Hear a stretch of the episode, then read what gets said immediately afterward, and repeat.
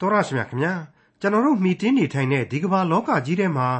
လူလူချင်းရိုင်းပင်းကူညီတယ်မဆစောင့်ရှောက်တယ်ဆိုတာဟာရှိသင့်ရှိအပ်တဲ့အရာဖြစ်တယ်လို့အင်မတန်မှကောင်းမွန်လာတဲ့အရာတစ်ခုဖြစ်တယ်ဆိုတာကိုတော့ဘယ်သူမှမငြင်းနိုင်ပါဘူး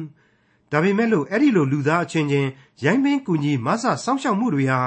ထာဝရအရှင်မြတ်စွာဘုရားသခင်ရဲ့တကူကျေးဇူးတွေမပါရှိခဲ့ဘူးဆိုရင်တော့လူဘဝအသက်တာရဲ့အောင်မြင်ခြင်းတွေဟာ ဖွဲနဲ့စကွဲတွေသာဖြစ်သွားရပါလိမ့်မယ်။ဘာကြောင့်အချီးနှီးဖြစ်ရပါသလဲ။အဲ့ဒီအကြောင်းကိုဒီကနေ့တင်ပြရသောတမချန်းအစီအစဉ်မှာလေ့လာမှာဖြစ်တဲ့ခရိယန်တမချန်းဓမ္မဟောင်းကျမ်းပိုင်းတွေကနေမိမတ်စာအခန်းကြီး1မှာတွေ့ရမှာဖြစ်ပါတယ်။ဒီလူဘဝအသက်တာမှာအချီးနှီးသောအရာတွေမဖြစ်စေဖို့အတွက်အလိုအဆုံးသောအရာဟာထာဝရအရှင်မြတ်စွာဘုရားသခင်သားလျင်ဖြစ်တော်မူတယ်ဆိုတာကို အထင်ရှားတွေ့မြင်ရမှာဖြစ်ပါတယ်။လောကလူပုံခန်းဝါကြီးထဲမှာ ဖြက်လို့ဖြစ်စည်းလို့ရင် ကိုကြိုးရှာရင်မှားတာထက်ဖျားရှင်ကိုအမှန်တကယ်ချစ်တဲ့စိတ်နဲ့စေတနာစိတ်စောနဲ့မှားမိတာကခွင့်လွှတ်နိုင်စရာဖြစ်တဲ့အကြောင်းခရိယန်တမန်ကျမ်းဓမ္မဟောင်းကျမ်းပိုင်းတွေက နေမိမဆာအခန်းကြီး1ကိုဒေါက်တာထွန်းမြတ်အေးကအခုလိုလေ့လာသုံးသပ်တင်ပြထားပါတယ်။နေမိမှတ်စာအခန်းကြီး1ပါပဲ။အတော်ကလေးလေးလံမှုရှိခဲ့တဲ့အပိုင်းတွေကိုကျွန်တော်တို့ကြော်ဖြတ်ခဲ့ပြီးတဲ့နောက်ဒီကနေ့ရောက်ရှိလာတဲ့အပိုင်းကလေးကတော့ဖြင့် အဲ့ဒီခေတ်နေဟမိရဲ့ပါရှားနန်းတော်ကြီးတွေကဖြစ်ရမှန်ဇလန်းကလေးတွေကိုပုံဖော်ပြသွားမှာမို့လို့စိတ်ဝင်စားစရာတွေဖြစ်လိမ့်မယ်လို့ကျွန်တော်ယုံကြည်မိပါတယ်။ပြန်ခွင့်ပြုပါခမညာဆိုတဲ့ခေါင်းစဉ်နဲ့စတင်လေ့လာနိုင်ဖို့အတွက်နေဟမိမှတ်စာအခန်းကြီး2အငယ်1မှ4ကိုစတင်နားဆင်ကြည့်ကြပါစို့။အာတဇေရမင်းကြီးနန်းဆန်20နိသန်လတွင် ရှေ့တော်၌တင်သောစပြည့်ရီကိုငါကန်၍ဆက်လေ၏ အထက်ကတခါမျှရှေ့တော်၌ညှိုးငယ်သောမျက်နှာကိုမပြဘူးသည်ဖြစ်၍ရှင်ဘရင်ကကြမ်းမာလျက်နှင့်အဘယ်ကြောင့်မျက်နှာညှိုးငယ်သနည်းဝမ်းနေဟန်ရှိပါသည်တကားဟုမိန့်တော်မူလျင်ငါသည်အလွန်ကြောက်၍ရှင်ဘရင်အသက်တော်အစဉ်အမြဲရှင်ပါစေကျွန်တော်ဘိုးဘေးတင်ကြိမ်ရှိရာမြို့သည်ပျက်စီးလျက်မြို့တကားလည်းမိလောင်၍ကုန်ပြီဖြစ်သောကြောင့်ကျွန်တော်သည်မျက်နှာမညှိုးငယ်ပဲအဘယ်သို့နေနိုင်ပါမည်နည်းဟုလျှောက်တော် ရှင်ဘရင်ကအဘယ်သို့တောင်းလျှောက်ခြင်းသနည်းဟုမေးတော်မူ၏ကျွန်တော်ဖော်ပြခဲ့တဲ့အတိုင်းပဲနော်နေဟမိဆိုတာဟာလေဝိအမျိုးယစ်ပရောဟိတ်မဟုတ်တယ်လို့ကြမ်းတက်လည်းမဟုတ်ပါဘူးသူကဘာလဲဆိုတော့အခုဒီမှာမြင်ရတဲ့အတိုင်းမင်းမှုတမ်းပဲပေါ့အထက်အခန်းကြီး1တုံးကမြင်ခဲ့ရတဲ့အတိုင်းဆိုရင်ဖလားတော်ကိုင်းဆိုတဲ့အရာရှိအဲ့ဒါဟာရှေးခေတ်ကအစဉ်အလာရဆိုရင်သိသေးသေးကိုကိုရာလူလို့ပြောလို့မရဘူးဘယင်ကြီးရဲ့စပြည့်ရည်ကို तू ကဆက်ရတာစပြည့်ရည်ဆိုတော့ချိုးတာပါခြင်းပါမယ် ခါပြီးတော့ကစောအဆင့်ရောက်တဲ့စပြည့်ရည်လည်းဖြစ်ချင်းဖြစ်မှာပေါ့သူ့ရဲ့တာဝန်ဟာဘယင်ကြီးကိုအဲ့ဒီဖလားတော်နဲ့စပြည့်ရည်ဆက်တဲ့အခါမှာစံချိန်မိမမိအရသာရှိမရှိအန်တရယ်ဖြစ်မဖြစ်ဆိုတာတွေကိုသူဟာတာဝန်ယူစစ်ဆေးပေးရလိမ့်မယ်ဆိုတာရှင်းနေပါတယ်ဒီတော့ရှေးခေတ်ကဘာမှာအင်အားအကြီးမားဆုံးသောနိုင်ငံတနိုင်ငံရဲ့ဧကရစ်ဘရင်ကြီးရဲ့ဖလားတော်ကိုင်းဆိုတာဟာသေးသေးကိုတာဝန်မဟုတ်ဘူးနန်းတော်မြေတိုက်ကနေပြီးတော့စပိုမှုကြီးစီကနေပြီးတော့စပြည့်ရည်တွေထုတ်ပေးရင်သူကမြည်ဆန်းကြည့် ဘယင်ကြီးကြိုက်မဲ့အရာသာရှိရင်ယူသွားပြီးတော့ဆက်သရတဲ့တာဝန်ဘယင်ကြီးကလိုအပ်ရင် तू ကထပ်ပြီးတော့ဖြည့်ပေးရတယ်ဘယင်ကြီးကမင်းလဲတောက်กว่าဆိုရင်လဲ तू ကဝင်တောက်ရလိမ့်မယ်တနည်းပြောရရင်တော့ဒီတာဝန်ဟာဘယင်ကြီးကသူ့ကိုယုံကြည်စိတ်ချလွန်းလို့ခန့်အပ်ထားတာဖြစ်တယ်ချစ်ခင်လွန်းလို့ပေးအပ်ထားတဲ့တာဝန်လည်းဖြစ်တယ်ဆိုတာကိုကျွန်တော်တို့နားလေသဘောပေါက်ထားရပါလိမ့်မယ်အဲ့ဒီတော့ဘယင်ကြီးဟာသူနဲ့အတော်လေဘေးဖြောင်းတယ်လို့ပြောလို့ရမယ်အနီးကပ်ဆက်ဆံပြီးတော့ခင်မင်ရင်းနှီးမှုကလည်းရှိလိမ့်မယ် တခါတလေမှာနိုင်ငံရေးနဲ့အတွင်းရေးကိစ္စတွေရှိရင်တောင်မှတိုင်ပင်ပေါ်တိုင်ပင်ပဲအဆင့်အထိနေရာရရှိနိုင်တယ်လို့ကျွန်တော်အလေးအနက်ခံယူမိပါတယ်အဲ့ဒါနဲ့ပဲအထက်ကအခန်းကြီး1မှာမြင်ခဲ့ရတဲ့အတိုင်းယေရုရှလင်မြို့ကပြန်လဲတဲ့ခရီးသည်တွေကနေတဆင့်ယေရုရှလင်ကဂျူးလူမျိုးတွေစိတ်ဆင်းရဲကိုယ်ဆင်းရဲဖြစ်နေရတာတွေကဲ့ရဲ့အပြစ်တင်ခြင်းခံနေရတာတွေကိုကြားထားရတဲ့နေဟမိယေရုရှလင်မြို့ရိုးကြီးတွေပျက်စီးပြိုကျပြီးတော့မြို့တကားတွေမိလောင်ပျက်စီးတဲ့သတင်းစိုးတွေကိုကြားထားရတဲ့နေဟမိဟာ ငိုကြွေးမြည်တမ်းတယ်အစရှောင်တယ်ဆုတောင်းခဲ့တယ်ဆိုတော့အဲ့ဒီလိုဖြစ်ပျက်ပြီးတဲ့နောက်ပိုင်းတာဝန်အရနန်းတော်တွေကဘရင်ကြီးစီကိုဖလားလေးကိုင်ပြီးတော့ဝင်းချိန်မှာမျက်တွင်းနေရဟောက်နေလိမ့်မယ်မရွှင်မလန်းဖြစ်နေလိမ့်မယ်မျက်စိတွေနီရင်နီနေလိမ့်မယ်ဂရုံဂရင်လည်းဖြစ်နေမယ်ဆိုတာသဘောပေါက်နိုင်ပါ रे ပါရှားလို့ခေါ်တဲ့ပေရတိဘရင်ကြီးဟာသူ့အင်မတန်ချစ်ခင်တဲ့ဖလားတော်ဂိုင်းကိုပေလျက်ကမထားဘူးဆိုတာဒီမှာချက်ချင်းမြင်ရတယ်သူကအမြဲတမ်းဒီသူ့ရဲ့ဖလားတော်ကိုင်ဝင်မင်းနေမိကို အကဲခတ်လေးရှိဟန်တူပါရဲ့ဟဲ့နေမိနေမိမင်းကြည့်ရတာနေလို့ကောင်းမွန်တော့ရပါရဲ့မျက်နှာတွေတဲလဲညှိုးပါလားငါလူရဲ့ငါ့ကိုပြောစမ်းပါအောင်ကွာဆိုပြီးတော့စကားဆလိုက်တယ်လို့ဆိုပါတယ်အဲ့ဒီအချိန်မှာတော့တာဝန်ကိုလေးစားတဲ့နေဟမိဟာဘရင်အမျက်တော်ရှာမှာကိုစိုးရင်ကြောက်လန့်သွားမိတယ်ဒါပေမဲ့ဘရင်ကြီးကိုချက်ချင်းပဲအဖြေပေးလိုက်ပါတယ်ဏိဒန်းပြိုးလိုက်ပုံလေးကတော့ရှင်ဘရင်အသက်တော်အစဉ်အမြဲရှည်ပါစေတဲ့အမှန်တော့ဒီစကားဟာမြောက်လို့ပြောတာမဟုတ်တလို့ မလို့ပဲမြောက်ပြီးပြောတဲ့စကားတစားဆင်တာလည်းမဟုတ်ပါဘူးဒါသန်တမန်တာဝန်အရာဘယင်နဲ့တွေ့တိုင်းစကားဆရင်ဒီလိုပဲပြိတ္တန်တာရစကားဆိုရမြဲအတိုင်းဆိုရမှာပေါ့ပြီးတော့မှ तू ကဆက်ပြီးတော့သူ့ခံစားချက်ကိုအမှန်အတိုင်းပြောပြလိုက်ပါတယ်အရှင်မင်းကြီးခမညာကျွန်တော်ရဲ့ဘိုးဘေးဘီပင်တွေတင်ကြိုင်တီရှိရာအရက်ကမြို့တော်ယေရုရှလင်မြို့ဟာဖြင့်ပျက်စီးခြင်းတိုင်းပျက်စီးပြီးတော့မီးလောင်ကုန်ပြီဆိုတာကျွန်တော်ကြားရတော့ကျွန်တော်အနေနဲ့ဘယ်လိုလုပ်ပြီးတော့ရှင်ရှင်လန်းလန်းရှိနိုင်ပါမလဲခမညာဆိုတဲ့အချက်ပဲအငယ်ငါ ငါကလည်းအရှင်မင်းကြီးအလိုတော်ရှိ၍ကျွန်တော်စိတ်နှင့်တွေ့တော်မူလျင်ကျွန်တော်ဘိုးဘေးတင်ကြိုင်ရှိရာမြို့ကိုကျွန်တော်ပြုစုရမည်အကြောင်းယူရပြည်သို့ဆေလွတ်တော်မူပါဟုကောင်းကင်ဘုံဤအရှင်ဘုရားသခင်အားဆုတောင်းပြီးမှလျှောက်လေ၏တွေ့ရပါတယ်နော်ဘယင်ကြီးနဲ့စကားပြောနေတဲ့အတော်အတွင်းမှာပဲဘုရားသခင်ကိုသူဟာရတဲ့အချိန်လေးမှာတိုင်တီဆုတောင်းနေအိုးအဖစောင့်ထိန်တော်မူပါဆိုတဲ့ဆုတောင်းချက်တိုးတိုးကလေးပဲဖြစ်ရမှာပေါ့ဒါမှမဟုတ်ရင်လေကျွန်တော်အခက်အခဲကိုသနာတော်မူပါခမညာဆိုပြီးတော့ဖြစ်ချင်လည်းဖြစ်နိုင်တယ် ထပ်ပြီးတွေ့ရတဲ့သင်ခန်းစာဟောင်းတစ်ခုပါပဲဆုတောင်းခြင်းဆိုတာဟာဘာမှခက်ခဲတဲ့ကိစ္စမဟုတ်ဘူး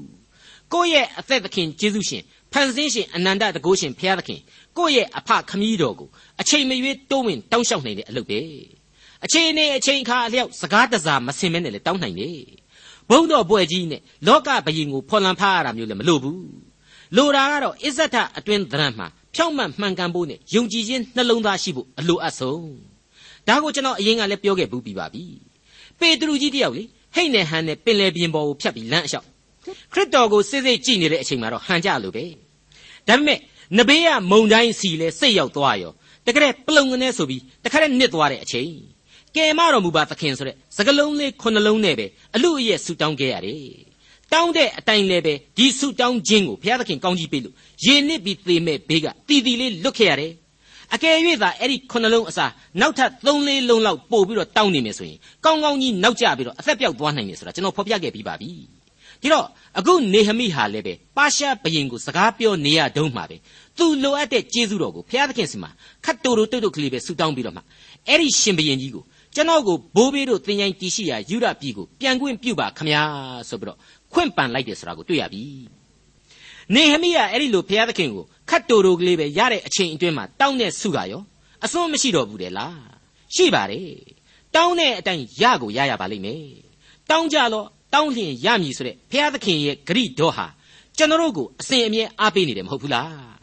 ကျွန်တော်ရဲ့ယုံကြည်ခြင်းကိုမူတည်ပြီးတော့ထိုက်တန်တဲ့ဆုကိုဘုရားသခင်ဟာမပေးပဲဘယ်နှခါမှမနေခဲ့ပါဘူး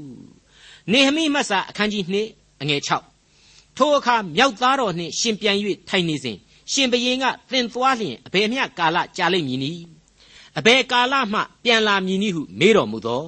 ကာလအချိန်ကိုငါလျှောက်ထားပြီးမှရှင်ဘရင်သည်အလိုတော်ရှိ၍ငါ့ကိုလွှတ်လိုက်တော်မူ၏တွေ့တဲ့အတိုင်းပါပဲအခုကျမ်းမှာမြန်မာလူမြောက်သားတော်ဆရာဟာအင်္ဂလိပ်ကျမ်းအရာတော့မြောက်နမ်းမတော်မိဖုရားကြီးကိုဆိုလိုတာကိုတွေ့ရပါတယ် The queen also sitting by him ဆိုပြီးတော့ဖော်ပြထားပါတယ်ကျွန်တော်အယူအဆပြောရရင်နေဟမိဟာလူငယ်ကလေးဖြစ်လိမ့်မယ် ရုပ်ရည်ချောမောသူဖြစ်လို့ဘရင်မိသားစုတို့ကတူသားနောင်မယ်လို့ပဲအစဉ်တစိုက်တန်ရောစဉ်ရှိနေလိမ့်မယ်လို့စကားအသွားအလာတွေအရာကျွန်တော်ခံမှန်းမိပါတယ်မိဖုရားကြီးလည်းရှိနေတယ်ဆိုတာကိုနေဟမိဖော်ပြတာဟာအချင်းကြီးအသက်သက်မဟုတ်ဘူးအဖိုးကြီးအဖွားကြီးနှစ်ယောက်စလုံးတို့ဟာသူပြန်မယ်လဲဆိုရောနှစ်ယောက်စလုံးစိတ်မကောင်းဖြစ်ပြီးတော့တိုးတိုးတိုးတိုးနဲ့တိုင်ပင်ကြတာကိုသိစေခြင်းလို့သာဖြစ်ရလိမ့်မယ်ဒီအချိန်မှာဘယင်ကြီးဟာနေဟမိကိုမလွတ်ချင်လွတ်ချင်ဖြစ်ပါလိမ့်မယ်မိဖုရားကြီးကနေပြီးတော့သွားပါစေ ဒါပေမဲ့မြန်မြန်ပြန်လာအောင်တော့ပြော့ပေါ်ဆိုပြီးတော့နှစ်ကိုကြားဝင်ရောက်အကြံပြုလိမ့်မယ်လို့ကျွန်တော်တွက်ဆပါတယ်ဒါတွေကိုနေဟမိဘာမှရှေရှေဝေးမချက်မထွင်ပါဘူးဘယင်ကြီးကနေမင်းဟာဘလောက်တောင်များကြာမလဲကွာဆိုပြီးပြီးတော့ तू ကကြာနိုင်လောက်တဲ့အချိန်ကိုပြောပြတယ်ဘယင်ကြီးကလည်းအေးအေးမင်းဆန္ဒရှိနေတော့လဲငါတို့မတားသာဘူးပေါ့ကွာသွားပါကွယ်ဆိုပြီးတော့ခွင့်ပြုလိုက်တယ်ရဲ့လို့ပဲမှတ်တမ်းကိုတိုးတိုးတုတ်တုတ်ဖော်ပြလိုက်ပါတယ်ဒီတော့နေဟမိဆိုတာဟာတက်ကြွတဲ့လူငယ်ကလေးပြီးတော့ရိုးသားတဲ့လူငယ် အလုတ်အပေါ်မှာလဲတစ္ဆာရှိတယ်အာယုံစိုက်တတ်တဲ့လူငယ်ဆိုတာဒီကိုကျွန်တော်တို့မြင်နိုင်ပါပြီအစင်မတက်ရင်ဆန်းလျက်နဲ့မလှဆိုသလိုမလိုတဲ့အရာတွေအတွက်အချိန်ကုန်မခံပါဘူးမကြွားဝါလည်းနေပါဘူးအရှိကိုအရှိအတိုင်းပဲခတ်စင်းစင်းပဲပြောတတ်ဆိုတတ်တဲ့လက္ခဏာရှိပါတယ်လှုပ်တက်ကင်တတ်တဲ့ဇယိုက်ကိုလည်းဖော်ပြထားပါတယ်အဓိကအားဖြင့်တော့သူဟာဖျားသခင်ကိုအလွန်ချစ်ကြောက်ယိုသေးပြီးတော့တာဝန်ကိုသိတတ်သောလူသားတစ်ယောက်ဖြစ်တယ်လို့ကျွန်တော်ပြတ်သားစွာမှတ်ချက်ချနိုင်ပါလိမ့်မယ် နေဟမိမှတ်စာအခန်းကြီး2အငယ်9နဲ့10တဖန်တုံးရှင်ဘရင်အလိုတော်ရှိလျင်မြင့်အနောက်ဖက်၌ရှိသောမြို့ဝန်တို့သည်ကျွန်တော်ကိုမစီမတာယေရုရှလင်မြို့သို့ပို့ရမည်အကြောင်းအမိန့်တော်စာကိုတနာတော်မူပါဥယျင်တော်မူအာသတ်သည်ဗိမာန်တော်ရဲလိုက်တကားတိုင်နှင့်တကားထုတ်ဖို့၎င်းမြို့ရိုးနှင့်ကျွန်တော်နေရာအိမ်ဖို့၎င်းတစ်ကိုပေးရမည်အကြောင်းအမိန့်တော်စာကိုလည်းသနာတော်မူပါဟုတောင်းလျှောက်သည့်အတိုင်းငါဤဖျားသခင်တကိုးကျေးဇူးတော်ကြောင့် ရှင်ဘရင်သည်ပေးသနာတော်မူ၏နေဟမိဟာဘရင်ကြီးစီကနေအမိန့်စာနဲ့လမ်းမှာအန်တရာရီရင်ဆိုင်ရရင်အကာအကွယ်ရနိုင်ဖို့အတွက်ပါရှားဧကရေမင်းရဲ့လက်အောက်ခံဘယင်ငံတွေတနည်းအားဖြင့်မြို့ဝန်တွေစီကိုအမိန့်စာထည့်ပေးလိုက်ဖို့အသနာတော်ခံတော့လေဘယင်ကြီးကချက်ချင်းပဲကြီးကြီးသားသားပဲရေးပေးတယ်ဆိုတာကိုတွေ့ရပါတယ်ဒါအပြင်ယေရုရှလင်မြို့ရောက်ရင်မြို့တကားတွေအတွက်တစ်သားတွေရဖို့ရဲ့သူ့အတွက်လည်းအိမ်ဆောက်ပေးဖို့ရဲ့လေကုညီတော်မူပါဆိုတော့အဲ့ဒါတွေအားလုံးကိုလေအာတဇေရမင်းကြီးဟာတပါးတည်းကုညီပေးတယ်ဆိုတာကိုကျွန်တော်တို့တွေ့ရပါတယ်ဒီတော့နေဟမိဆိုတဲ့လူဟာဘလောက်အကြည့်အောင်မြင်ပေါက်မြောက်တဲ့ဘဝပိုင်ရှင်လဲဆိုတာဟာအထူးရှင်းနေစရာလိုတော့မယ်မထင်ပါဘူးအဲ့ဒီလိုအောင်မြင်ပေါက်မြောက်တာတွေရဲ့အခြေခံအကြောင်းကိုတော့သူဟာအခုလိုဖော်ပြလိုက်ပါတယ်ငါဤဖျားသခင်တကူကျေးဇူးတော်ကြောင့်ဆိုတဲ့အချက်ပါပဲမှန်ပါတယ်လောကမှာလူအချင်းချင်းကူညီမှိုင်းပါတယ်စောင့်ရှောက်တယ် ကောင်းကြီးပေးတယ်ဆိုတာတွေဟာရှိရမယ့်အရာတွေဖြစ်တာကိုမငြင်းနိုင်ပါဘူးဒါပေမဲ့ဖျားသခင်ရဲ့တကူကျေးဇူးတော်သာမပါခဲ့ရင်တော့အဲ့ဒီဘဝအသက်တာအောင်မြင်ခြင်းဆိုတာဒီအကုန်လုံးဟာဖွဲနဲ့စကွဲဆိုသလိုဖြစ်သွားရလိမ့်မယ်ဆိုတာကိုကျွန်တော်သေချာစွာမှတ်ကြုံကြရပါလိမ့်မယ်ယေရုရှလင်ဤမြင်ကွင်းဆိုပြီးတော့ခေါင်းစဉ်နဲ့နေဟမိရဲ့မှတ်တမ်းကိုဆက်ပြရစီနေဟမိမှတ်စာအခန်းကြီး2အငယ်9နဲ့10 ထိုအခါမြင့်အနောက်ဖက်မြို့ဝန်တို့ထံသို့ငါရောက်၍ရှင်ဘရင်၏အမိန့်တော်စာကိုပြ၏ရှင်ဘရင်သည်လည်းတတ်မှုနှင့်မြင်းစည်းသူရဲတို့ကိုငါနှင့်အတူဆေလွတ်တော်မူသည်ဣသရေလအမျိုးသားတို့၏အကျိုးကိုပြုစုခြင်းဟာလူတစ်ယောက်လာကြောင်းကိုဟောရနိလူတံပါလတ်နှင့်ကျွန်ခံသူအမုံအမျိုးသားတောဘိတို့သည်ကြားတော်အလွန်နှလုံးမသာရှိကြ၏အာတဇေရေဆိုတဲ့ပါရှားဧကရမင်းကြီးဟာနေဟမိရဲ့လုံခြုံရေးတွေအတွက် အကြီးအကျယ်ပြင်ဆင်ပေးလိုက်တယ်ဆိုတာဟာတကယ်ကိုအံ့ဩစရာပါပဲသူဟာမြို့ဝန်သို့မဟုတ်ဘယင်ကန်တွေကိုဆင်ခဲဆင်ခဲမှားကြတယ်နေဟမိအတွက်မင်းတို့အကအကွယ်ပေးကြတဲ့အဲ့ဒီလိုစေခိုင်းလိုက်တယ်လို့နေဟမိခရီးစပြီးထွက်ကြတဲ့ကလေပါရှားတက်မတော်အလုံးအင်းနဲ့ကိုလိုက်လံပြီးတော့စောင့်ရှောက်စေတယ်ဆိုတာကိုတွေ့ရပါတယ်အခုခေတ်စကားနဲ့ဆိုရင်တော့ escort တင်နေပေါ့ဒီတော့ဖျားသခင်ရဲ့စောင့်ရှောက်ခြင်းဆိုတာဟာအေးစရာတုံးကတစ်မျိုးအခုနေဟမိကျတော့ပုံစံတစ်မျိုးဆိုတာကိုကျွန်တော်တို့တွေ့ရပါပြီ ဟုတ်ပါတယ်အသက်တာရဲ့ဘဝပုံစံတွေဟာမတူသလိုကျေးဇူးတော်ရဲ့ပုံစံဟာဘယ်တော့မှတယောက်နဲ့တယောက်မတူညီနိုင်ပါဘူးယောသတ်နဲ့မောရှေမတူသလိုယောရှုနဲ့ဒါဝိဒ်အရှင်းမတူပါဘူးတချို့အဖို့ကျတော့ညာနာဘက်မှာအာသန်ကြတယ်ကောင်းကြီးခံစားရတယ်ဒါပေမဲ့တချို့အဖို့ကျတော့ကာယဘက်မှာပို့ပြီးတော့အာသန်တယ်ကောင်းကြီးခံစားရတယ်တချို့ကျတော့လေငွေကြေးအားဖြင့်ဘဝအောင်ပွဲကိုခံရစေတယ်တချို့ကျတော့လေဂုံပကာသနာအားဖြင့်ကောင်းကြီးကိုခံခံစားရစေတယ်စသည်စသဖြင့်ပေါ့ ကျေးဇူးတော်ပုံစံတွေဟာလူသားတွေအဖို့ဝိုင်းဝိုင်းလဲနေပါတယ်မတူညီအောင်လဲရှိနေပါတယ်ရည်ဖို့ကောင်းနေတာကတော့ဘယင်ဧကရေမျက်နှာသာအပေးခံရတဲ့ဖလားတော်ကင်ဣတရီလအရာရှိတယောက်မြို့တော်ကိုပြန်လာတယ်အချွေအရန်တွေနဲ့ဘယင်ကဆေလွတ်လိုက်တာဖြစ်တယ်လမ်းမှာလဲမြို့ဝန်သို့မဟုတ်ဘယင်ကန်တွေအသီးသီးကတောင်းတောင်းဖျားဖျားကြိုးစိုးကြကာကွယ်စောင့်ရှောက်ကြနဲ့ရှိခဲ့တယ်ဆိုတာကိုကြားရယုံနဲ့မနာလိုတူရှည်တဲ့အဖွဲ့တွေပေါ်ပေါက်လာခြင်းပါပဲအဲ့ဒါတွေကတော့တခြားမဟုတ်ဘူးတန်ပါလက်ဆိုတဲ့ဟောရနီလူတဲ့ ပြီးတော့တောဘိဆိုတဲ့အမုံအမျိုးသားတို့နှစ်ဦးပဲဖြစ်ပါတယ်နောက်ထပ်နေဟမိကိုမုန်းတဲ့လူတယောက်ဖြစ်တဲ့အာရဗ်လူဂေရှင်ဆိုတာကလည်းမကြခင်မှာဆက်ပြီးတွေ့ကြအောင်ပါပါမိတ်ဆွေအပေါင်းတို့ခမညာလူသားတို့ရဲ့နှလုံးသားဆိုတာဟာဘုရားသခင်နဲ့ပတ်သက်ရင်ဘယ်တော့မှတညီတဲ့လက်ခံခြင်းနဲ့ဆိုတာမရှိသလိုဧဝံဂေလိသတင်းစကားဆိုတာဟာလည်းမယုံမဆွဲပါပဲဇာတိပဂရိအပြစ်လောကမှာအမြဲတမ်းကောင်းကျိုးပြုသည့်တိုင်အောင် ကောင်းကျိုးမထင်တဲ့အဖွဲ့တွေဟာအစဉ်တစိုက်ရှိစမြဲပဲဆိုတာကိုကျွန်တော်လေးနဲ့စွာမှတ်ကြုံထားရပါလိမ့်မယ်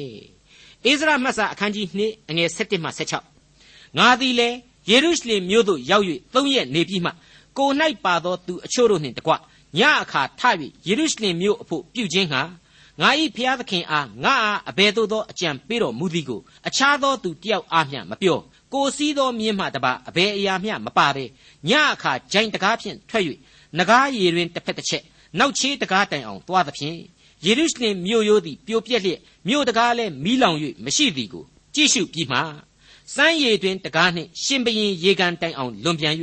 မြင်းလန်းမရှိသောကြောင့်တဖန်ထိုည၌ချောင်းနာတွင်ရှောက်သွား၍မြို့ရိုးကိုကြည့်ရှုပြီးမှဂျိုင်းတကားဖြင့်လှဲ့၍ဝင်ပြန်လေ၏အဘယ်အရတ်သို့သွားသည်အဘယ်သို့ပြုသည်ကိုမင်းတို့သည်မသိကြ ယူရလူယေပရောဟိတ်မူမတ်မင်းအရာရှိလှုပ်ဆောင်သောသူတစုံတယောက်အားမျှငါသည်ကိုအမှုကိုမပြောသေးငါသည်လေဆရာဟာကျွန်တော်အခန်းကြီး1သင်ခန်းစာမှာတော့မှာတော့ကဆိုခဲ့တယ်လို့ပဲပေါ့ဆိုးဆိုတဲ့အင်္ဂလိပ်ဝေါ်ဟာရကိုခံထားတဲ့အပိုင်းပဲဖြစ်ပါတယ်တို့ဖြစ်၍တို့ဖြစ်သောကြောင့်ဒါမှမဟုတ်ရင်လေဒီလိုနဲ့ပဲဆိုတဲ့သဘောတရားကိုဆောင်းပါတယ်အခုအပိုင်းမှာငါသည်လေဆရာဟာအလွန်ရှည်လျားတဲ့အပိုင်းတွေကိုခြုံငုံပြီးတော့ ဒါကြောင့်မို့ငါဟာလေဆိုပြီးတော့ချုပ်လိုက်တာပဲဖြစ်ပါတယ်အကယ်၍သာနေဟမိဟာသာမန်အမှုပညာရှင်စာရေးဆရာတယောက်ဆိုပါတော့သူ့ရဲ့မှတ်စာဟာဝတ္ထုရှည်ကြီးတစ်ပုဒ်တည်းပို့ပြီးရှည်လျားခဲ့မှာအမှန်ပါပဲအခုတော့သူဟာအလွန်တက်ကြွသူအလုတ်ကိုတန်ဖိုးထားသူတယောက်အနေနဲ့လုပ်ငန်းပိုင်းလောက်ကိုသာဘလောက်လျင်မြန်သွက်လက်စွာဆောင်ကျဉ်သွားတယ်ဆိုတာကိုသူ့ရဲ့စာလုံးတွေဟာအသက်ဝင်အောင်ဖော်ပြနေပါတယ်အမှန်ပါပဲနေဟမိဟာသူရောက်လာလို့ဆိုပြီးတော့မြို့တော်မှာအုံအုံကြက်ကြက်ဖြစ်မှာကိုမလိုချင်ပါဘူး မြို့တော်တဲကိုလူကြီးတိတ်ချိန်မှာမြင်းတစည်းနဲ့လှည့်လည်ပြီးတူးချင်းအကဲခတ်ပါတယ်မြို့တော်ကြီးကတော့ဖြင့်သူကြားသိခဲ့ရတဲ့အတိုင်းတကယ့်ကိုပျက်စီးယွယွနေတာမီးလောင်နေတာညစ်ပတ်စုပ်ပြတ်နေတာတွေကိုစိတ်မချမ်းသာစရာသူတွေ့မြင်ရပါတယ်တဲ့အမိုက်တွေခြုံွယ်ပိတ်ပေါင်းတွေဟာမြင်းအတွက်တောင်မှလမ်းမဖြောင်းအောင်တောင်လိုပုံနေတယ်ဆိုတာကိုလည်းကျွန်တော်တို့မြင်လာရပါတယ်သူဟာအဲ့ဒီလိုယေရုရှလင်မြို့တော်ကြီးကိုတိတ်တခိုးအကဲဖြတ်တာကိုယေရုရှလင်ကဘယ်မင်းဘယ်ဆို ဘယ်ယေပရောဟိတ်မျိုးကမှမသိစေပဲလှုပ်ဆောင်ခဲ့တယ်ဒါဟာသူလှုပ်တဲ့အလုပ်တစ်ခုကိုစိစက်သေးကြစွာနဲ့ကိုယ်တိုင်အကဲဖြတ်ပြီးတော့ဆုံးဖြတ်เสียရှိတာကိုဆုံးဖြတ်ဖို့အတွက်တူးချင်းလုပ်ခဲ့ခြင်းဖြစ်ပါတယ်ဘုရားသခင်ရဲ့အမှုတော်ကိုဆောင်းသာဆောင်းခြင်းပြီးတော့သေသေးချာချာကြာကြာနာနာမလိမလာပဲနဲ့အယံဝင်ပြီးလှုပ်တာမျိုးလှုပ်ချင်တဲ့လူတွေအတွက်အထူးကောင်းမွန်တဲ့ဓမ္မရေးသင်ခန်းစာတရက်ပဲဖြစ်တယ်လို့ကျွန်တော်ပြောချင်ပါတယ်တခါတလေမှာကိုယ်တိုင်ကဘာမှမသိတဲ့အရာတွေကိုထင်ချင်းနဲ့ပဲဖြစ်ဖြစ် ဘေးစကားတွေနဲ့ပဲဖြစ်ဖြစ်ဝင်ပြီးတော့ပြောမိတာအကြံဝင်ပြုမိတာဝင်ပြီးတော့ကာယကံမြောက်လုပ်မိတာဆုံးဖြတ်မိတာဝေဖန်မိတာတွေဟာဘလောက်အထိဆိုးကျိုးတက်ရောက်နိုင်တယ်ဆိုတာကိုခန်းစားဘူးသူတိုင်းသိကြမှာပါအခုနေဟမိနဲ့ပတ်သက်လို့တော့သူဟာစိတ်ဆက်သိကြတယ်ပြီးတော့သတိအလွန်ကြီးတယ်စင်ကျင်တုံတရားရှိတယ်ဆိုတာတွေကိုကျွန်တော်တို့တွေ့ရပါပြီဣသရေလရဲ့ကျွန်ဘဝနှစ်ပေါင်းများစွာနဲ့နောက်ပိုင်းနိုင်ငံတော်သစ်သမိုင်းသစ်အတွက်သူ့ရဲ့လောက်ရတွေဟာဆိုရင်အမှန်တကယ်ပဲနှုတ်ကပတ်တော်မှာ နေရာပေးတိုက်လွန်းလို့ဘုရားသခင်ဟာနေရာပေးခဲ့ခြင်းဖြစ်ပြီးတော့ကျွန်တော်အတွက်လည်းအလွန်ကောင်းမွန်တဲ့သင်ခန်းစာတွေပေးစွန်းလျက်ရှိတယ်လို့ကျွန်တော်ဆိုလိုက်ပါရစေတစ်ချိန်တည်းမှာပဲကျွန်တော်ဟာစိတ်သက်ပိုင်းနဲ့သက်ဆိုင်တဲ့အတွေ့အကြုံခေါင်းထဲကိုဝင်လာပါတယ်အဲ့ဒါကတော့အချို့အချို့သောပုံကိုယ်တွေဟာဂမှုရှုလို့လုတ်တတ်တာတော့မှန်တယ်မစင်မချင်းလုတ်တယ်ပဲဆိုပါတော့ဒါပေမဲ့ဘုရားသခင်ကိုအမှန်တကယ်ချစ်လို့စေတနာဇောနဲ့မှားမိခြင်းဆိုရင်ဖြက်လို့ဖြက်စီးမှားတာမျိုးကိုကြိုးရှာပြီးတော့မှားတာမျိုးတဲ့တော့ အများကြီးခံစားတယ်လို့ကျွန်တော်အောက်မေ့မိပါတယ်အဲ့ဒီလိုမှားရတဲ့လူမျိုးတွေထဲမှာလေလက်ညှိုးသာထိုးရကြီးဆိုရင်တော့တမန်တော်ကြီးပေတရုဆိုရင်ထိတ်ဆုံးကနေတရားခံကြီးဖြစ်ရအောင်တော့မှာပါ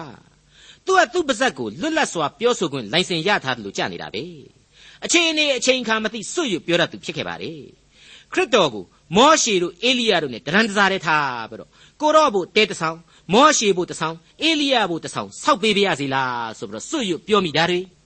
ကိုရော့အတွက်ဆိုရင်လေ ကျွန်တော်မျိုးကြီးကသေတောင်တစ္ဆာမဖောက်ပါဘူးဆိုပြီးတော့ဘာမှမကြဘူးတစ္ဆာဖောက်မိတာမျိုးတွေကိုသူမှားခဲ့ဘူးတယ်ဆိုတာကိုကျွန်တော်တို့သေချာပြန်ပြီးတော့စဉ်းစားအောင်မိနိုင်ပါတယ်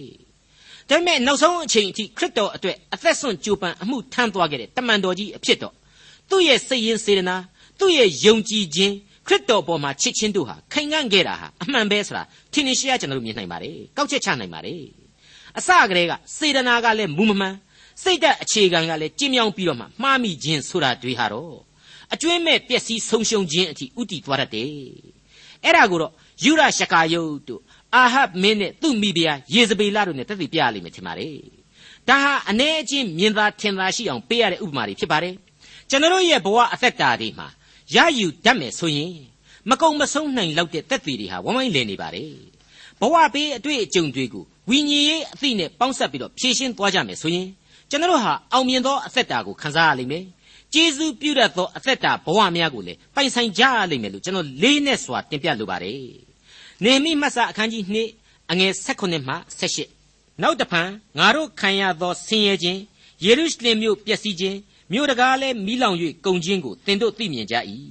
လာကြကဲ့ရဲ့ခြင်းနှင့်လွတ်မြေအကြောင်းယေရုရှလင်မြို့ရိုးကိုတိကျဂုံအံ့ဟုသူတို့အားဆိုလျက်ငါ၏ဖျားသခင်သည်ငါအားပြုတော်မူသောကျေးဇူးကို၎င်း ရှင်ဘရင်မိန့်တော်မူသောစကားကို၎င်းကြားပြောလေသော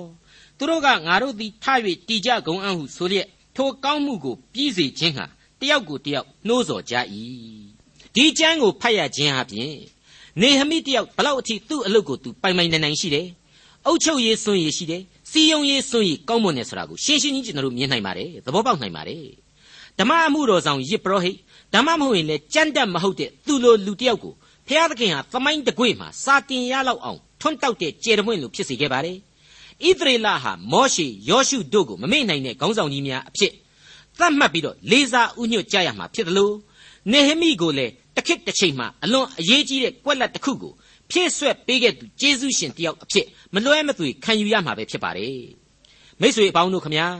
နေဟမိဟာပါရှားလိုနိုင်ငံမျိုးမှာသူ့ယာရုယာကန်နဲ့သူ့ရဲ့စီးပွားရေးအခြေအနေနဲ့ အငိမ့်သားကောင်းစားနေရာကနေပြီးတော့ဆင်းရဲတွင်းနဲ့ဒုက္ခနွမ်းအိုင်ကိုဘိုးဘေးတို့တင်ញိုင်းတီယာအရက်ရှိရာအရက်ကိုပြန်လာပြီးတော့ပြန်လဲထူထောင်ရေးတွေလုပ်ပေးနေတာကိုဣသရေလရဲ့တစ်ဖက်ကနန်းနှိမ်ခြင်းသူ၃ယောက်ကတော့စောစောကကျွန်တော်ဖော်ပြခဲ့တဲ့လူညစ်ပတ်၃ဦးပဲဖြစ်ပါတယ်နေမိမှတ်စာအခန်းကြီး2အငယ်16မှ20အဆုံးအထိထိုသတင်းကိုဟောယနိလူသံပါလတ်ကျွန်းခံသူအမုံအမျိုးသားတောပိအာရအမျိုးသားဂေရှင်တို့သည်ကြားလျင် ပြည့်ရဲ့ပြု၍သင်တို့သည်အဘယ်သို့ပြုကြမည်နည်းရှင်ဘရင်ကိုပုန်ကန်ကြမည်လို့ဟုကဲ့ရဲ့လျက်ဆိုကြ၏ငါကလည်းကောင်းကင်ဘုံ၏အရှင်ဘုရားသခင်သည်ငါတို့ကိုအခွင့်ပေးတော်မူမည်ထို့ကြောင့်ဘုရားသခင်၏ကျွန်ဖြစ်သောငါတို့သည်ထ၍တည်မည်သင်တို့မူကားယေရုရှလင်မြို့တွင်ဘာမျှမဆိုင်မပိုင်မှတ်เสียသက်သည်မရှိဟုပြန်ပြော၏ဟောယနိလူသံပါလတ်တဲ့ပြီးတော့အမုံလူမျိုးတော်ပြီတဲ့နောက်တစ်ယောက်ကတော့အာရဗ်လူမျိုးဂေရှင်တဲ့ နာမည်တွေကကွာရီကွာတာမနိုင်ဘူးလားဟုတ်တယ်နာမည်တွေကကွာရီကွာတာနိုင်တယ်လို့လူတွေကလည်းကွာရီကွာတာသမားတွေပဲပေါ့သူတို့ဟာနေဟမိကိုတစ်အချက်အနေနဲ့ပြည့်ရပြူကြတယ်နှစ်အချက်အနေနဲ့ကဲ့ရဲ့အပြစ်တင်ကြတယ်ဆိုတာကိုကျမ်းစာမှာတွေ့ရပါတယ်မိษွေအပေါင်းတို့ခမညာဖျားသခင်ရဲ့အမှုတော်မြတ်ကိုထမ်းဆောင်တိုင်းမှာချီးမွမ်းခံရလိမ့်မယ်များရောင်လို့တောင်မတွေးကြပါနဲ့တမန်တော်ကြီးရှင်ပေါလုရဲ့အသက်တာကိုကြည့်ပါတမန်တော်ကြီးရှင်ပေတရုရဲ့အသက်တာကိုကြည့်ပါ ပြီးတော့ကမ္ဘာသမိုင်းမှာပါဝင်တဲ့အတိုင်းဆိုရင်အိန္ဒိယနိုင်ငံအထိလာပြီးသာသနာပြုခဲ့တဲ့ခရစ်တော်ရဲ့တပည့်တော်၁၂ဖော်တဲ့ကတူးဖြစ်တဲ့ရှင်သောမရဲ့ဘဝဇလန်းများကိုလည်းပြန်ပြီးတော့ဆန်းစစ်ကြည့်ကြပါဒါအပြင်မကသေးဘူးလေဒေါက်တာဂျက်ဆန်ဒေါက်တာရှွိုင်ဇာဒေါက်တာလီဗင်းစတုန်းဆိုတဲ့ပုဂ္ဂိုလ်တွေရဲ့အကြောင်းတွေကိုလေကျွန်တော်တို့ကဖတ်ကြည့်ရင်သေချာတွေ့နိုင်ပါလိမ့်မယ်ဒီအမှုတော်ဆောင်ကြီးတွေကတယောက်မှပန်းခင်းတဲ့လမ်းပေါ်မှာညင်ညင်လေးလျှောက်မသွားခဲ့ရပါဘူး အသက်နဲ့ယဉ်ပြီးတော့ဘုရားသခင်ရဲ့ဧဝံဂေလိသတင်းစကားကိုဖြန့်ဖြူးသွားကြရတာကြီးပဲဖြစ်ပါတယ်မိ쇠အပေါင်းတို့ခမညာဒါကြောင့်မို့လို့လေနှုတ်ကပတ်တော်မှာဖော်ပြတာကတော့ကားတိုင်းတရားဆိုတာဟာလူတိုင်းတို့အတွက်အလင်းတရားမဟုတ်ဘူး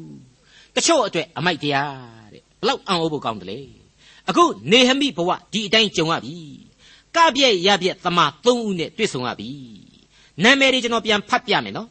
ဟောရနိလူသံပါလတ် အမုံလူမျိုးတော်ပြီပြီးတော့အာရဗ်လူမျိုးဂေရှင်တဲ့အဲ့ဒီသုံးယောက်ပဲဖြစ်ပါတယ်ဇာတိပဂရိအပြစ်လောကမှောင်မိုက်အတွင်းမှာအသက်လန်းတဲ့အလင်းတရားဆိုတာဟာပြည့်ရဲ့ပြုခြင်းခံရတဲ့အချိန်တွေကဲ့ရဲ့ကဲ့ရဲ့ရှုံချခြင်းကိုခံရတဲ့အချိန်တွေဆိုတာရှိတတ်ပါတယ်အဲ့ဒီလူတွေဟာနေဟမိနောက်မှာဘုရားသခင်ရှိတယ်ပြီးတော့ဘုရားသခင်ရဲ့အမိန့်တော်ကိုတဆင့်ပြန်လဲအသုံးပြုပေးနေရတဲ့ပေရသိဘယင်ရှိနေတယ်ဆိုတာကိုမသိကြဘဲနဲ့ရမ်းပြီးတော့အပြစ်တင်ကြတယ်ရန်ဆွဲငေါငေါလုပ်နေကြပါတယ် ဒါပေမဲ့နေဟမိဂယုစိုက်ခဲ့ပါသလားဂယုမစိုက်ခဲ့ပါဘူးသူ့ဘက်မှာဘုရားသခင်ရဲ့တကိုးနဲ့ဘုရားသခင်ရဲ့ကျေးဇူးတော်တည်ရှိနေပြီဆိုတာကိုသူကိုယ်တိုင်အထက်ကကြမ်းမှာဝန်ခံခဲ့ပြီးပြီဆိုတော့ဖြစ်နိုင်လို့လောကကဘာမြေကြီးတစ်ခုလုံးကဆန့်ကျင်နေရင်တောင်မှသူ့အဖို့ဂယုစိုက်เสียအကြောင်းအရှင်းမရှိတော့ဘူးအဲ့ဒီအတိုင်းပါပဲကျွန်တော်တို့မိษွေတို့ရဲ့နေ့စဉ်အသက်တာတွေမှာကောဘုရားသခင်ကယ်တင်ရှင်သခင်ခရစ်တော်နဲ့တန်ရှင်းသောဝိညာဉ်တော်ရဲ့ အရှိန်တကောအောက်မှာကျွန်တော်တို့ဟာခိုးလှုံနေတယ်ဆိုရင်ဘာကိုကြီးဆိုင်နေเสียလို့တလဲကျွန်တော်တို့အဖို့လောကီလောကုတ်တရားဘဝအသက်တာနှစ်ဖြာစလုံးအတွက်ကောင်းကြီးမင်္ဂလာတွေဟာအလိုအလျောက်စောင့်ဆိုင်နေပြီဘဝဟာလုံခြုံချမ်းမြေ့နေပြီလူသားပြီပြီလောကရန်ဘေးဒုက္ခတွေကိုခံစားရခြင်းကတမျိုးအဲ့ဒီလောကရန်အခက်အခဲမြောက်များစွာကြားထဲမှာပဲဖျားသခင်ရဲ့ကျေးဇူးနဲ့ဂရုနာတော်ကိုငြိမ်းချမ်းလုံခြုံစွာခံစားရခြင်းကတမျိုး အဲ့ဒါကိုလူတို့ကြံစီ၍မမိနိုင်သောငြိမ်သက်ခြင်းဆိုပြီးတော့နှုတ်ကပတ်တော်ကဖော်ပြထားပါတယ်ဒါကြောင့်မို့လို့လေနေဟမိရဲ့တုံ့ပြန်သန်းဟာအလွန်တိကျပြသခဲ့ပါတယ်ဝိညာဉ်ခွန်အားနဲ့လည်းပြည့်ဝနေပါတယ်ဒီအသံဟာကျွန်တော်တို့မိษွေတို့သောတာရှင်တို့အားလုံးတို့အတွက်လေအစဉ်တစိုက်ခွန်အားနဲ့ပတ်ရစ်ပေးနေသောဩဘာသံများဖြစ်တယ်လို့ကျွန်တော်ဆိုချင်ပါတယ်နားဆင်ကြည့်ကြပါငါကလည်းကောင်းကင်ဘုံကြီးအရှင်ဘုရားသခင်သည်ငါတို့ကိုအခွင့်ပေးတော်မူမည် ထို့ကြောင့်ဘုရားသခင်၏ကျွန်ဖြစ်သောငါတို့သည်ထ၍တည်မည်သင်တို့မူကားယေရုရှလင်မြို့တွင်ဘာမျှမဆိုင်မပိုင်မှတ်เสียတက်သေးမရှိဆုတောင်းကြပါစို့ကောင်းကင်ဘုံ၌ရှိတော်မူ၍ကျွန်တော်တို့တူးစီတို့ကိုချစ်တော်မူသောယေရှုရှင်အဖမြတ်စွာဘုရားသခင်ကရောရှင်ဤကျေးဇူးတော်ကြောင့်ရှေးသန့်ရှင်သူတို့ဤမှတ်စာများကိုကျွန်တော်တို့သည်ယခုအချိန်တွင်လေ့လာလျက်ရှိကြပါ၏ဤမှတ်စာများအားဖြင့်ကျွန်တော်တို့သည်ကရောရှင်သိစေလိုသောအချက်များတို့ကို ရယူနှလုံးသွင်း၍ကရောရှင်နှင့်တူဘဝအသက်တာကိုရှောက်သွားနိုင်သောသူများဖြစ်နိုင်ဖို့အခွင့်ကိုပေးတော်မူပါကရောရှင်ဤဘက်တွင်မြဲမြံတည်ကြည်စွာအသက်ရှင်ခြင်းအားဖြင့်လူသားတို့သည်အဘယ်မျှလောက်ပြည့်စုံလုံလောက်သောကောင်းကြီးမင်္ဂလာများကိုခံစားရကြောင်းနှင့်တကားကရောရှင်ဤကျေးဇူးတော်မြတ်များတို့ကိုခံစားရသောလူတို့သည်အဘယ်ကဲ့သို့သောစိတ်နေစိတ်ထားမျိုးနှင့်ကရောရှင်အတွက်အမှုတော်ကိုထမ်းဆောင်ကြကြောင်းကိုကျွန်တော်တို့သည်အစဉ်တစိုက်သင်ခန်းစာယူနိုင်ဖို့ရန်အတွက် ဤနေဟမိသင်ခန်းစာများကိုရှေ့ဆက်လက်၍ကျွန်တော်တို့လေ့လာရာတွင်ကောင်းကြီးပေး၍ကျွန်တော်တို့ကိုသွန်သင်ပေးတော်မူပါကျွန်တော်တို့တူးစီတို့မှတင်ရှိနေသောအပြစ်အလုံးစုံတို့ကိုကိုရောရှင်ဖြစ်လို့ဖြည့်ရှင်း၍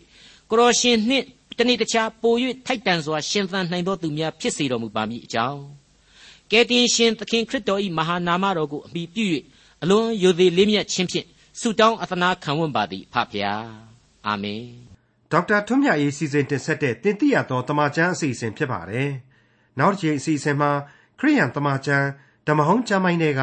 နေမိမတ်စာအခန်းကြီး3အခန်းငယ်1ကနေအခန်းငယ်14အထိကိုလေ့လာမှာဖြစ်တဲ့အတွက်စောင့်မျှော်နားဆင်နိုင်ပါတယ်။